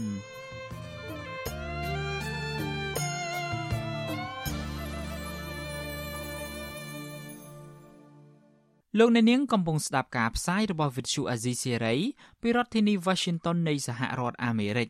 ពលករខ្មែរនិងអ្នកធ្វើការនាំពលករទៅធ្វើការនៅប្រទេសថៃត្អូញត្អែថាមន្ត្រីស្ថានទូតខ្មែរប្រចាំនៅប្រទេសថៃបានបង្ខិតបង្ខំឲ្យពួកគាត់ចូលរួមជីវភាពនយោបាយជាមួយនឹងគណៈបកប្រជាជនកម្ពុជាអ្នកការពារសិទ្ធិពលករលើកឡើងថាការបង្ខិតបង្ខំឲ្យចូលគណៈបកនយោបាយនេះគឺជាការរំលោភទៅលើសិទ្ធិរបស់ពលករ បាទសូមលោកអ្នកនាងស្ដាប់សេចក្តីរាយការណ៍មួយទៀតរបស់លោកជាតិចំណានអំពីរឿងនេះដូចតទៅក្រមពលករនិងភ្នាក់ងារនាំពលករចូលធ្វើការនៅតាមរោងចក្រនៅក្នុងប្រទេសថៃនិងអ្នកលក់លេអនឡាញនៅប្រទេសថៃកំពុងក្លាយជាមុខសញ្ញាដែលមន្ត្រីស្ថានទូតខ្មែរប្រចាំប្រទេសនេះអូសទាញនិងបង្ខិតបង្ខំឲ្យពួកគាត់ចូលរួមជីវភាពនយោបាយជាមួយគណៈបកប្រជាជនកម្ពុជាក្រុមមនុស្សកោដៅទាំងនោះដាច់ចិត្តរំលាយការពិតឲ្យវិសុវអស៊ីសេរីដឹងដូច្នេះព្រោះពួកគេមិនពេញចិត្តទៅនឹងការបង្ខិតបង្ខំនេះ ហើយថាការចូលរួមជាមួយគណៈបកប្រជាជនកម្ពុជាធ្វើឲ្យពួកគេខាត់បង់ថវិកាពេលវេលាហើយម្យ៉ាងវិញទៀតគណៈបកប្រជាជនកម្ពុជាមិនមែនជាគណៈបកដែលពួកគេពេញចិត្តនោះទេភ្នាក់ងារនាំពលករចូលធ្វើការតាមរោងចក្រនៅប្រទេសថៃម្នាក់ដែលសូមឲ្យហៅឈ្មោះរបស់លោកថាសាន់សវណ្ណាឲ្យវិសុអស៊ីសេរីដឹងនៅថ្ងៃទី1ខែកក្កដាថាមន្ត្រីស្ថានទូតមួយចំនួនជាពិសេសគឺប្រធានអនុព័ន្ធការងារអមស្ថានទូតកម្ពុជាប្រចាំប្រទេសថៃលោកឈឹមវិបុលតែងតែបង្ខិតបង្ខំឲ្យលោកចូលរួមជាមួយគណៈបកប្រជាជនកម្ពុជា លោកបន្តទៀតថាមន្ត្រីស្ថានទូតរូបនេះតែងតែស្កាត់មកជួបលោកនិងតាក់ទងមកលោកតាមបណ្ដាញសង្គម Facebook អូសទាញឲ្យលោកចូលរួមបម្រើគណៈបកប្រជាជនកម្ពុជាលោកបន្តទៀតថានៅពេលដែលលោកបដិសេធញឹកញាប់នៅសំណើនេះលោកឈឹមវិបុលបានប្រមានបិទក្រុមហ៊ុនដែលលោកធ្វើការឬការបំពេញឯកសារមានការយឺតយ៉ាវឬធ្វើឲ្យពិបាកនាំពលករចូលធ្វើការតាមរោងចក្រនៅប្រទេសថៃតទៅទៀត។ រងថ្ងៃគឺឈ្មោះឈឹមវិបលបាទឈ្មោះឈឹមវិបលហ្នឹងតាមពេទ្យឈឹមវិបលហ្នឹងគឺគាត់ដើម្បីតាក់ទាញពោមេមេការតាក់ទាញពោភ្នាក់ងារហ្នឹងដើម្បីឲ្យទៅចូលបាក់ដើម្បីយកមុខយកមាត់ឲ្យចូលបាក់ដើម្បីរាយការណ៍ទៅមេនៅខាងលើហើយដើម្បីបំភាន់ភ្នែកមេនៅខាងលើថាអ្នកហ្នឹងគឺសតតែជាអ្នកគ្រប់គ្រងគណៈបកប្រជាជនគឺជាអ្នកចោះចូលដើម្បីឲ្យគ្រប់គ្រងលោកហ៊ុនម៉ាណែតធ្វើជានាយករដ្ឋមន្ត្រីភ្នាក់ងារនាំពលករចូលធ្វើការនៅរោងចក្រនៅប្រទេសថៃរូបនេះ បញ្ជាក់ថាមូលហេតុដែលលោកមិនចូលរួមជាមួយគណៈបកប្រជាជនកម្ពុជាព្រោះលោកគ្មានថវិកានិងពេលវេលាគ្រប់គ្រាន់ដើម្បីបម្រើឲ្យគណៈបកប្រជាជនកម្ពុជានោះឡើយលោកប្រាប់ថាភ្នាក់ងារនាំពលករចូលធ្វើការរោងចក្រនៅប្រទេសថៃដែលចូលរួមជាមួយគណៈបកប្រជាជនកម្ពុជាត្រូវចូលរួមប្រជុំចូលរួមឃោសនានិងបង់ប្រាក់ឲ្យគណៈបកនៅពេលដែលរៀបចំកិច្ចប្រជុំម្ដងម្ដងលោកសាន់សុវណ្ណាប្រាប់ទៀតថាអ្នកដែលចូលរួមជីវភាពជាមួយគណៈបកប្រជាជនកម្ពុជាតម្រូវឲ្យចូលរួមប្រជុំទៀងទាត់បង់ប្រាក់3000បាតទៅ5000បាត សម្រាប់ការរៀបចំកិច្ចប្រជុំពង្រឹងតាមខេត្តរាជធានីនៃប្រទេសថៃលោកបន្តទៀតថាការគ្រប់គ្រងកម្លាំងគ្រប់គ្រងគណៈបកប្រជាជនកម្ពុជានៅប្រទេសថៃសប្តាហ៍ថ្ងៃនេះគឺប្រធានអនុព័ន្ធការងារអមស្ថានទូតកម្ពុជាប្រចាំប្រទេសថៃលោកឈឹមវិបុលហើយមន្ត្រីស្ថានទូតរូបនេះតែងតែកឹបកេងលុយកាក់ពីសមាជិកគណៈបកប្រជាជនកម្ពុជានៅប្រទេសថៃនិងពីថ្នាក់លើក្នុងការរៀបចំកិច្ចប្រជុំធំម្ដងម្ដងលោកលើកករណីជាក់ស្ដែងថានៅពេលដែលមានកិច្ចប្រជុំដែលមានមេដឹកនាំជាន់ខ្ពស់មកពីភ្នំពេញគឺត្រូវចំណាយប្រាក់ជួលកន្លែង និងរៀបចំពិធីអស់ប្រមាណ3សែនបាតឬជិត10000ដុល្លារតែលោកឈឹមវិបុលស្នើប្រាក់រៀបចំកម្មវិធីនេះរហូតដល់5សែនបាតឬជិត150,000ដុល្លារលោកបន្តទៀតថាសប្តាហ៍ថ្ងៃស្ថានទូតខ្មែរប្រចាំប្រទេសថៃបានឧបត្ថម្ភប្រាក់ចំនួន500បាតឲ្យអ្នកផ្សាយផ្ទាល់តាម Facebook នៅប្រទេសថៃដែលនិយាយការពីស្ថានទូតនិងគាំទ្រគណៈបកប្រជាជនកម្ពុជាប៉ុន្តែនៅខែចុងក្រោយនេះលោកឈឹមវិបុលបានស៊ីដាច់លុយទាំងនោះដោយមិនបានបើកប្រាក់ឲ្យអ្នកផ្សាយផ្ទាល់តាម Facebook ទាំងនោះទេ គលម្នាក់នឹងដើរអូសទាញគេចូលបាក់ដោយសារការបង្ខិតបង្ខំធ្វើធ្វើដូចតែជួយដូចមានសិលធម៌តាមទឹកបុគ្គលម្នាក់នឹងគឺទៅចូលគេនឹងសតតែបង្ខំឲ្យគេនឹងចូលឈ្មោះឲ្យគេចូលបើអ្នកណាមិនចូលទេមានការគម្រាមកំហែងថាពិបាករស់នៅពិបាករស់ស៊ីនៅក្នុងប្រទេសថៃពិបាកនាំពលករចូលនឹងឲ្យដើរគម្រាមកំហែងគេសពគ្រប់ដូចយ៉ាងដើម្បីឲ្យគេចោះចូលតែតែមេការពលករនឹងចាស់ញាក់បានរឹមអ្នកជាតាំងទាំងអស់រាល់ថ្ងៃគឺជាធុញថប់ជាមួយនឹងបុគ្គលនឹង ស្រដៀងគ្នានេះដែរពលករធ្វើការនៅប្រទេសថៃម្នាក់ទៀតលោកវត្តមុនីឲ្យដឹងដែរថាក្រុមការងារស្ថានទូតបានតាក់ទងមកលោកឲ្យលោកចូលទៅជួបមន្ត្រីស្ថានទូតគឺលោកឈឹមវិបុលលោកវត្តមុនីក្រៅពីធ្វើការជាពលករនៅប្រទេសថៃលោកជាអ្នកគាំទ្រគណៈបកភ្លឹងទៀននិងជាអ្នកធ្វើការងារសង្គមផងដែរលោកវត្តវនីបន្តទៀតថាក្រុមអ្នកតាក់ទងមកលោកទាំងនោះបានឲ្យលោកចូលរួមជាមួយគណៈបកប្រជាជនកម្ពុជាដើម្បីទទួលបានប្រយោជន៍និងការងារល្អតែលោកមិនព្រមតាមការអូសទាញនេះទេគាត់ ឲ្យម្នាក់ណាចរចាថាបបួលទៅហូបបាយហូបអីហើយក្រោយមកគេមានខាងស្រីអ្នកលក់លេគេនេះតែគេមកលងលុំមកបងរបៀបលងលុំមាននេះគេថាចូលរួមបងវល់ចង់ជួបណានៃចាននេះដែរហ្នឹងខ្ញុំគិតថាវាបើខ្ញុំចោះចូលវាគ្មានតម្លៃធ្វើឲ្យអ្នកដែលនេះគេស្គាល់ស្គាល់ខ្ញុំអ្នកដែលគេជឿជាក់ស្រឡាញ់ខ្ញុំគេអស់ណែមើលខ្ញុំថាមនុស្សដូចសត្វធាតរបស់តើតើនឹងការចោទប្រកាន់ទាំងនេះវិសុអស៊ីស្រីមិនអាចសុំការបំភ្លឺ ពីប្រធានអនុព័ន្ធការងារអមស្ថានទូតកម្ពុជាប្រចាំប្រទេសថៃលោកឈឹមវិបុលនិងអ្នកនាំពាក្យក្រសួងការបរទេសលោកអានសុខឿនបាននៅឡើយទេនៅថ្ងៃទី1ខែកក្កដាទោះជាយ៉ាងណាអ្នកនាំពាក្យគណៈបកប្រជាជនកម្ពុជាលោកសុអេសានអះអាងថាគណៈបកប្រជាជនកម្ពុជាគ្មានគោលការណ៍ណែនាំឲ្យមន្ត្រីស្ថានទូតដើរបង្ខិតបង្ខំឲ្យពលករឬអ្នកធ្វើការនៅប្រទេសថៃឲ្យមកចូលរួមជាមួយគណៈបកប្រជាជនកម្ពុជាឡើយលោកបន្តទៀតថាការងាររបស់មន្ត្រីស្ថានទូត គឺជួយសម្រួលដល់ការលំបាករបស់ពលករដែលធ្វើការនឹងរស់នៅក្រៅប្រទេសលោកថាទោះបីជាមន្ត្រីស្ថានទូតធ្វើសកម្មភាពផ្សព្វផ្សាយគោលនយោបាយឬរកការគ្រប់គ្រងពីពលករក្តី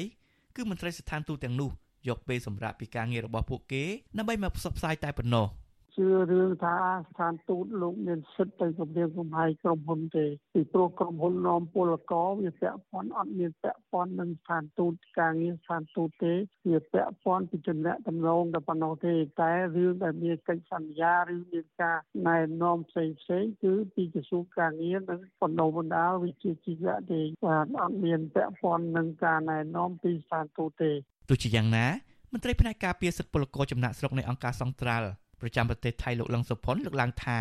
ពលករខ្មែរដែលធ្វើការនៅក្រៅប្រទេសក៏មិនខុសពីពលករខ្មែរទូទៅដែរគឺពួកគេមានសិទ្ធិគ្រប់គ្រាន់ក្នុងការជ្រើសរើសគណៈបកនយោបាយដែលខ្លួនពេញចិត្តលោកសង្កេតឃើញថាកន្លងមកមានពលករនៅភ្នាក់ងារនាំពលករមកធ្វើការងារនៅប្រទេសថៃមួយចំនួនបានត្អូញត្អែពីករណីមន្ត្រីស្ថានទូតខ្មែរប្រចាំប្រទេសថៃដែលបង្ខិតបង្ខំឲ្យពួកគាត់ចូលរួមជាមួយគណៈបកប្រជាជនកម្ពុជា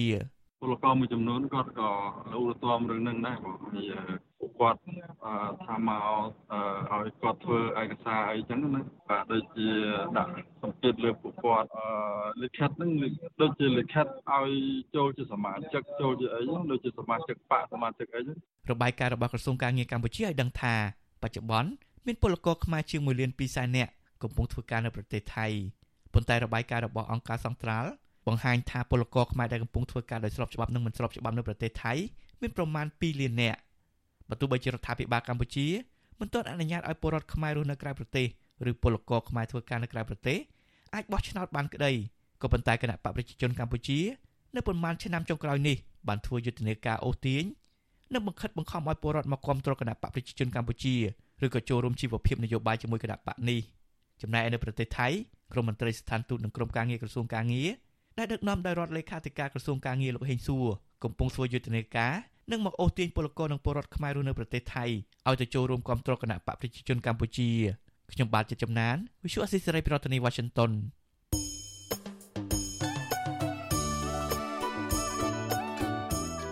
លោកអ្នកនាងជាទីមេត្រី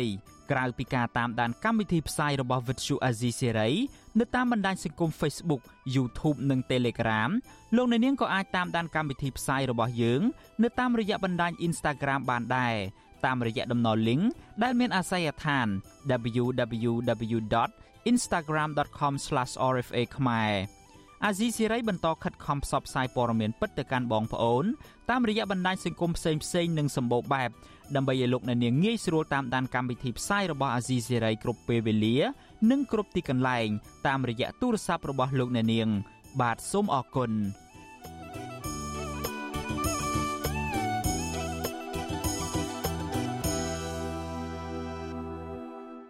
បាទលោកអ្នកនាងជាទីមេត្រីយើងងាកមកចាប់អារម្មណ៍តាក់ទងទៅនឹងការខ្ជះខ្ជាយថវិកាជាតិឯនេះវិញ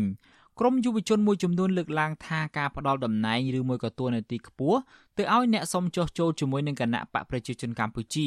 ដោយលោកនាយរដ្ឋមន្ត្រីហ៊ុនសែននោះគឺជាការយកធនធានរដ្ឋទៅចំណាយខ្ជះខ្ជាយពួកគេស្នើដល់លោកហ៊ុនសែនគិតគូរពីយុវជនដែលមានចំណេះជំនាញដើម្បីជំរុញឲ្យមានការអភិវឌ្ឍជាតិ មន្ត្រីសង្គមស៊ីវិលយល់ឃើញថារដ្ឋាភិបាលគួរតែបែងចែកឲ្យដាច់ពីគ្នារវាងប្រយោជន៍ជាតិនិងប្រយោជន៍បុគ្គលពីព្រោះធ្វើឲ្យខាតបង់ដល់ការអភិវឌ្ឍប្រទេសជាតិបាទសូមលោកអ្នកនាងស្ដាប់សេចក្តីរាយការណ៍មួយទៀតរបស់លោកយុនសាមៀនដូចតទៅយុវជនមួយចំនួនដែលមានចំណេះដឹងប៉ុន្តែពុំទទួលបានឱកាសបញ្ចេញសមត្ថភាពដើម្បីបម្រើផលប្រយោជន៍ដល់ប្រទេសជាតិដោយសារតែពួកគេមិនបានចោះចូលជាមួយរដ្ឋាភិបាលលោកហ៊ុនសែន ពួកគេចាត់ទុកការផ្ដល់តំណែងនិងទួនាទី ទៅដល់អ្នកចោះចូលជាការរើសអើង និងប្រកាន់បកពួកនិស្សិតម្នាក់នៅរាជធានីភ្នំពេញកញ្ញាជានសូណាប្រវត្តិអាស៊ីសេរីថាកញ្ញាសោកស្ដាយដែលរដ្ឋាភិបាល មិនគិតគូរពីយុវជនដែលមានសមត្ថភាព ហើយបែរជាផ្ដល់ទួនាទីដល់មនុស្សមិនបំរើប្រយោជន៍ដល់សង្គមជាតិទៅវិញ កញ្ញាថាបញ្ហានេះធ្វើឲ្យយុវជនខ្លះបាត់បង់ការសិក្សាហើយចាក់ចេញពីស្រុក ដើម្បីរកការងារធ្វើដូចជាបងប្រុសកញ្ញាជាដើម ដោយសារតែអស់ជំនឿលើការរកការងារធ្វើនៅក្នុងស្រុក ទូនីតិផ្ដល់ទូនីតិឲ្យអ្នកដែលគាត់មិនមានចំណេះដឹងទាំងអស់នឹងតាមតែអំពើចិត្តដែលគាត់ចង់បញ្ចូលចង់បញ្ចូលបញ្ចូលចង់ដកចេញដកចេញយើងមើលឃើញណាមិនមែនត្រឹមតែបញ្ចូលទេអ្នកដែលជិតស្និទ្ធដល់ចិត្តខ្លួនគាត់ក៏គាត់ចង់ដកចេញក៏គាត់ដកចេញអញ្ចឹងទៅអញ្ចឹងវាប៉ះពាល់ដល់អារម្មណ៍ជនដូចគ្នាដែរគាត់ប្រឹងរៀនទៅក៏គេមើលមិនឃើញគេផ្ដល់ឲ្យតែខ្សែ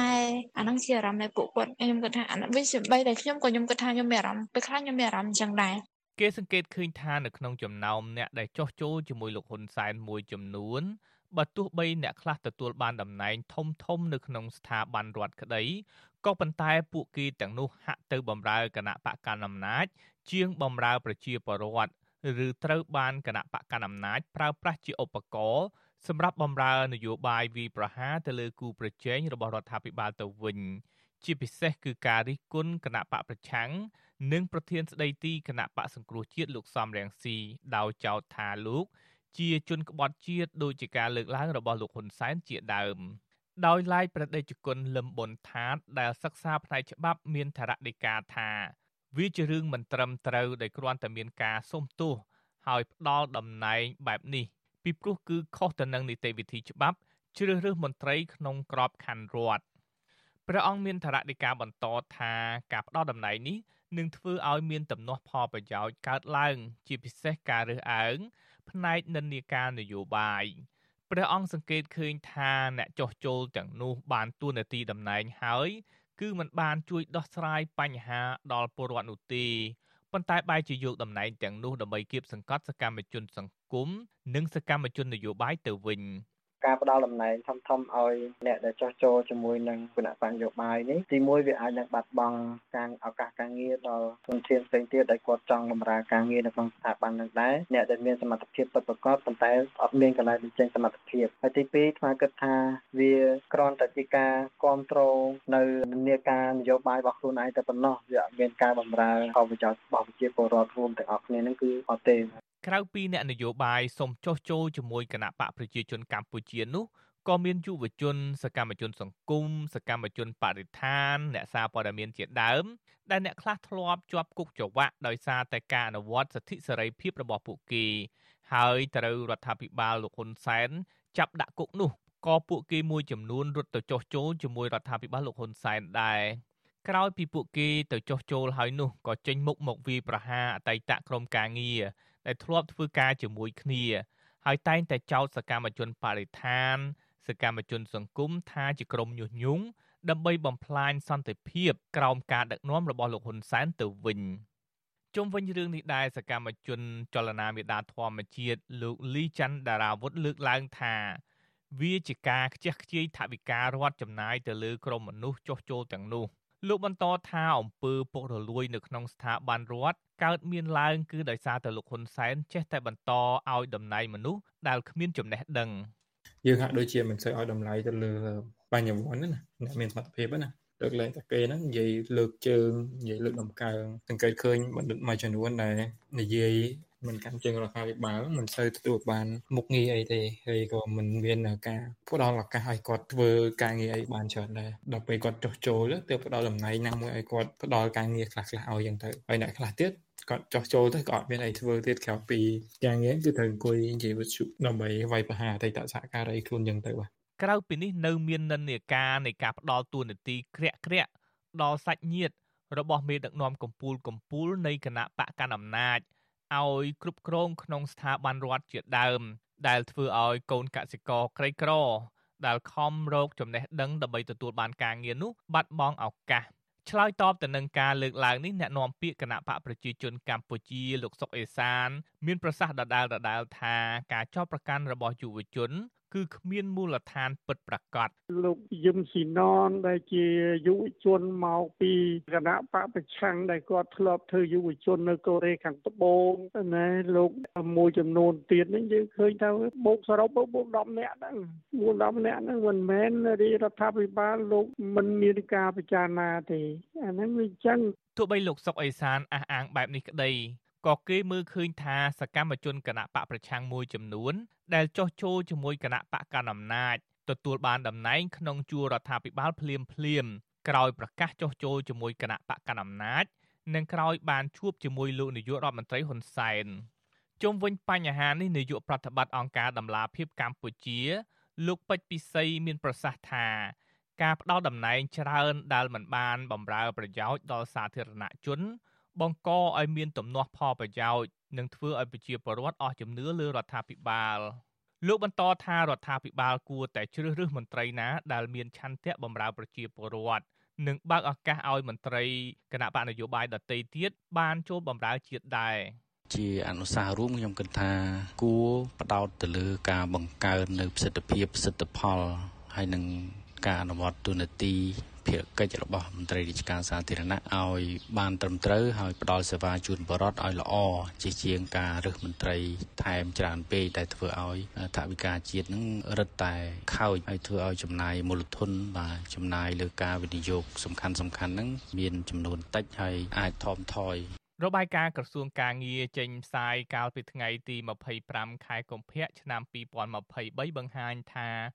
ពលករកម្ពុជាកំពុងធ្វើការនៅក្រៅប្រទេសមាន1លាន3សែននាក់នៅក្នុងនោះនៅប្រទេសកូរ៉េខាងត្បូងមានចំនួនជិត50000នាក់ប៉ុន្តែរបាយការណ៍របស់អង្គការសង្ត្រាល់បង្ហាញថា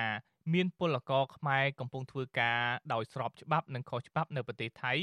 មានប្រមាណ2លាននាក់ក្រមយុវជនអំពាវនាវដល់លោកហ៊ុនសែនរៀបចំធ្វើកំណែតម្រង់នៅតាមខេត្តរាជធានីឲ្យស្របតាមគោលនយោបាយ ដាក់បញ្ចូលយុវជនដែលមានធនធាននិងចំណេះដឹង នៅក្នុងស្ថាប័នរដ្ឋនិងទប់ស្កាត់អំពើពុករលួយ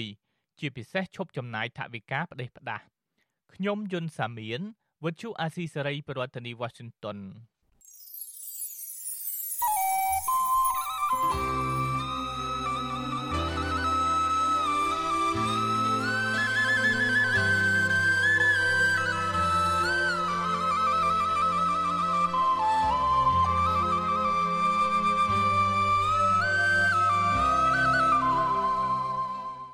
លោកអ្នកនាងជាទីមេត្រីវិទ្យុអាស៊ីសេរីនឹងចេញផ្សាយ podcast កម្ពុជាសប្តាហ៍នេះនៅរៀងរាល់ព្រឹកថ្ងៃសៅរ៍ម៉ោងនៅកម្ពុជានៃសប្តាហ៍នីមួយៗបាទកម្មវិធី podcast នេះរៀបចំដោយនាយកនិងនាយករងនៃកម្មវិធីផ្សាយវិទ្យុអាស៊ីសេរីជាភាសាខ្មែរគឺលោកសំប៉ូលីនិងលោកជុនច័ន្ទបតសូមប្រិយមិត្តស្វែងរក និងស្ដាប់ podcast របស់យើង នៅលើកម្មវិធី podcast របស់ Apple, Google និង Spotify ដោយគ្រាន់តែសរសេរពាក្យថាកម្ពុជាសប្តាហ៍នេះឬ Cambodia This Week នៅក្នុងប្រអប់ស្វែងរកយើងក៏នឹងចាក់ផ្សាយកម្មវិធី podcast នេះឡើងវិញនៅក្នុងកម្មវិធីផ្សាយផ្ទាល់របស់យើង តាមបណ្ដាញសង្គម Facebook YouTube និង Telegram នៅរៀងរាល់យប់ថ្ងៃច័ន្ទម៉ោងនៅកម្ពុជា បាទសូមអរគុណ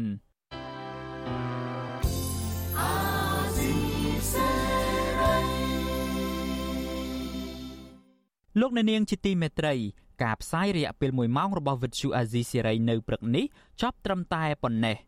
យើងខ្ញុំសូមជូនពរដល់លោកអ្នកនាងព្រមទាំងក្រុមគ្រួសារទាំងអស់ឲ្យជួបប្រកបតែនឹងសេចក្តីសុខចម្រើនរុងរឿងកុំបីឃ្លៀងឃ្លាតឡើយ